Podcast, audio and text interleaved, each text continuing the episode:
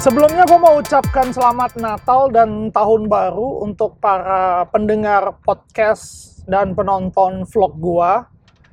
Tanpa terasa, 9 bulan COVID ada di Indonesia dan dan kita sampai juga akhirnya di ujung 2020 walaupun kita tahu ya banyak dari kita mungkin nggak terbayangkan bahkan teman gue ada yang sampaikan di bulan Maret itu dia bahkan nggak tahu bagaimana bisnisnya usahanya bisa bertahan hingga akhir Maret 2020 mungkin sebagian dari kita juga nggak terbayangkan bagaimana pekerjaan kita bagaimana profesi kita. Bahkan lebih jauh lagi mungkin ada yang nggak terbayang mereka bisa melalui 2020 ini dengan keluarga yang utuh. Kita tahu ya banyak teman-teman kita mungkin yang kehilangan anggota keluarga atau bahkan berpisah karena karena COVID-2020 ini. Dan gua rasa kita patut untuk merayakannya bersama-sama karena kita bisa ada hingga akhir 2020 ini sebagaimana kondisi kita ada saat ini. Gue juga percaya bahwa setiap dari kita sudah melakukan segala upaya untuk bisa bertahan hingga 2020 ini.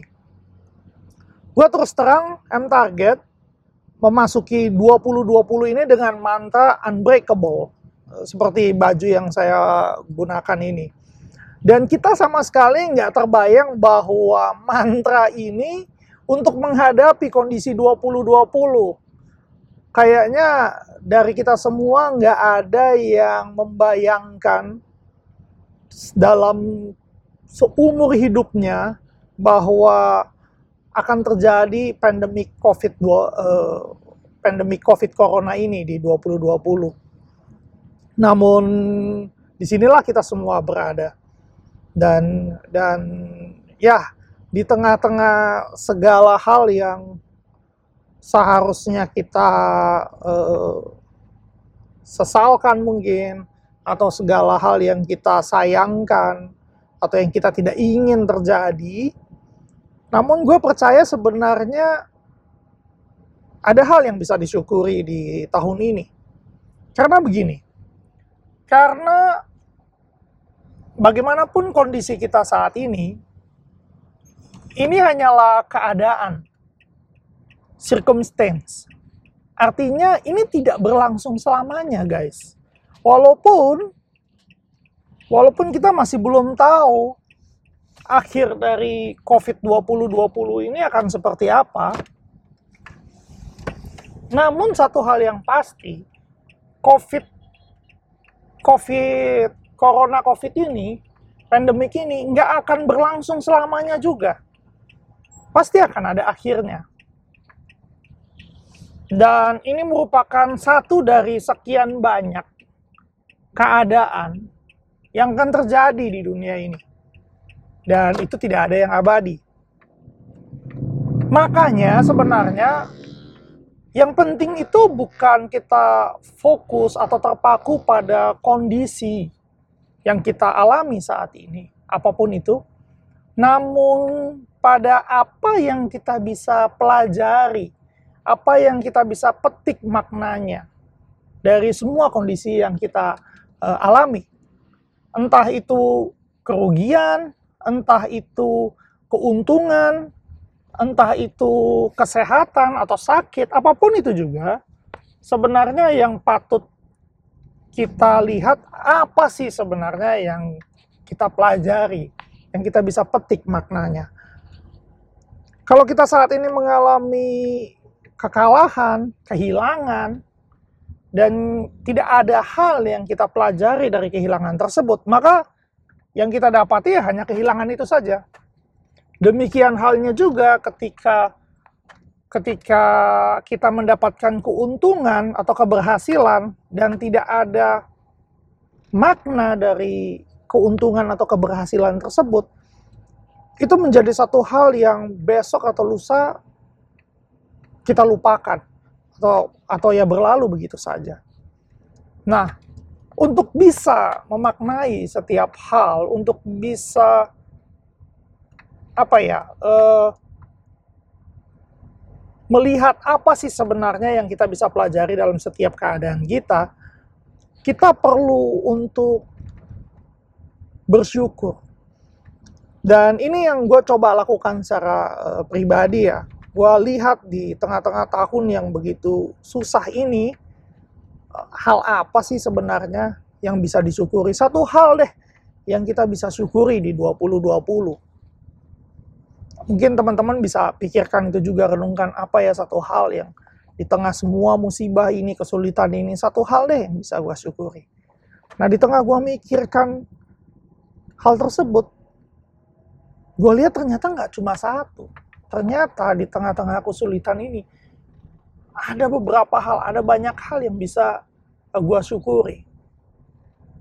Yang pertama yang gue bisa sebutkan adalah di tahun ini gue pindah ke tempat yang lebih baik. Gue pindah tempat tinggal ke ke rumah yang lebih baik. Walaupun masih sama-sama ngontrak, tapi keadaannya lebih bagus, uh, lebih luas juga. Dan ini mungkin nggak akan gue dapatkan kalau bukan karena 2020. Di tengah krisis, di tengah banyak orang kehilangan, gue bisa mendapatkan hal baru dan yang lebih bagus. Yang kedua yang gue bisa syukuri juga adalah bahwa di tahun ini Jona sudah selesai vaksin wajibnya.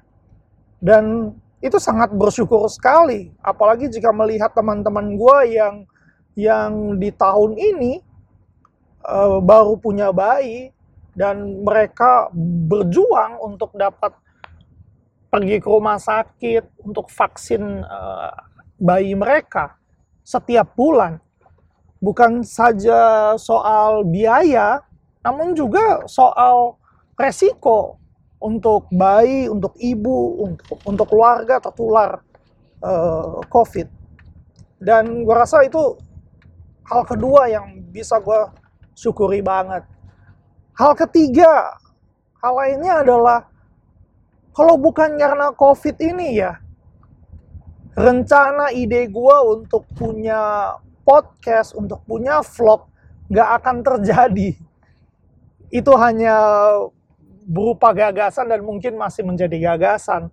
Dan ya, thanks to COVID, di di tahun ini gue jadi bisa bikin podcast, gue jadi bisa bikin vlog. Terus gue pikir-pikir apalagi yang yang yang hanya bisa terjadi di di tengah-tengah COVID ini adalah gue bisa physical sorry gue bukan bisa physical gue bisa meeting tanpa bertemu langsung gitu loh. Eh, nggak uh, perlu ada physical meeting lagi. Itu sesuatu yang dari dulu gue kayak wah itu kayaknya masih jauh banget ya kita meeting tanpa perlu ketemu. Walaupun memang memang banyak hal yang yang akan lebih efektif jika kita meeting dengan klien kita uh, face to face tapi energi yang dihabiskan dulu tantangan kita untuk bisa meeting dengan klien itu adalah perjalanan. Dalam satu hari gue lihat paling banter, paling maksimal lu bisa meeting itu sehari tiga kali. Itu udah pol-polan lah, udah di, di, dibuat sedemikian rupa agar meet, setiap meeting pointnya itu jaraknya nggak jauh-jauh. Kalau jauh, paling sehari cuma bisa dua atau bahkan satu meeting saja. Dengan kondisi seperti sekarang, gue lihat Ya ampun kita bisa meeting prospek itu sehari bisa sampai 5. Bahkan gua sampai 6 meeting ketemu klien. Dan itu gua rasa itu hal yang bisa disyukuri dan uh, sebenarnya kalau kita cukup bijak ya, kita bisa lebih produktif di tengah-tengah kondisi seperti saat ini. Karena kita nggak habis, apalagi gua ya, energi gua sangat habis banget ketika gua harus menempuh perjalanan di Jakarta, kemacetan dan segala macam. Bahkan ada researchnya kan, bagaimana kemacetan itu kontraproduktif. Meng, menghilangkan productivity, sebenarnya mengurangi productivity uh, kerja. Jadi itu sebenarnya hal-hal yang kita bisa uh, syukuri. Selain itu di pekerjaan,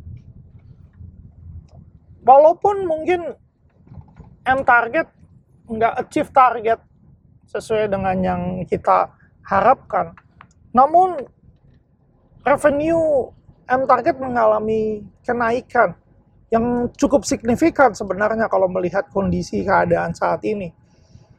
Compare lagi dengan bisnis-bisnis industri lain ya, yang yang seperti teman gue alami, bahkan dia bilang, aduh kalau lihat kalau lihat target tahun ini sama apa yang dicapai dibanding dengan target tahun lalu apa yang dicapai tahun lalu pendapatan satu satu bulannya aja sama dengan pendapatan satu tahun di tahun ini sampai segitunya. Tapi gue bersyukur bahwa di M target kita bisa bisa sampai uh, mengalami kenaikan uh, revenue.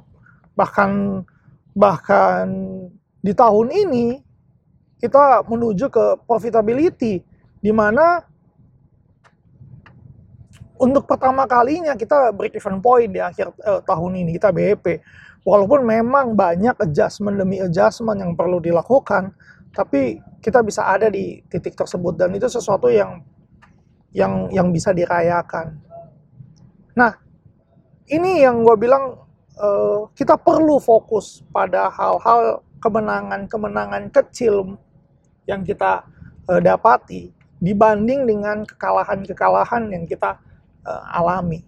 Karena begini, karena ketika kita melihat krisis itu kalau dalam bersepeda ya seperti kita melihat tanjakan, tanjakan yang panjang banget terjal dan kalau kita lihat ke depan, aduh itu menciutkan nyali kita. Bisa nggak ini ya? Aduh, gue nonton aja deh sepeda deh, gila nggak sanggup nih. Itu yang menciutkan. Tapi ketika kita mulai tunduk, tidak melihat ke depan, melihat roda kita, melihat pedal kita, lihat kaki kita, melihat sepeda kita, fokus dengan apa yang kita punya, kayuhan demi kayuhan, small step demi small step kita lakukan. Fokus deh dengan hal yang ada di depan, uh, yang ada di yang kita punya. Dan tahu-tahu ketika kita mengangkat kepala kita, kita udah sampai di tujuan. Kita kaget, oh akhirnya kita make it juga, akhirnya kita sampai juga di tujuan gitu loh. Ketika kita berhenti untuk fokus pada tanjakannya, tapi fokus pada uh, small step demi small step yang kita lakukan. Nah, ini yang gue lihat uh, gue sendiri, teman-teman di M Target lakukan hal tersebut dan kita fokus pada kemenangan kecil demi kemenangan kecil itu, itu yang membuat akhirnya kita bisa bertahan bahkan mungkin melampaui uh, apa yang kita expect. Di 2021 sendiri, mantra dari M Target adalah restart. Dan gua rasa itu juga uh, gua pakai untuk kehidupan gua secara personal, gua pakai dalam kehidupan di keluarga gua juga. Uh, restart.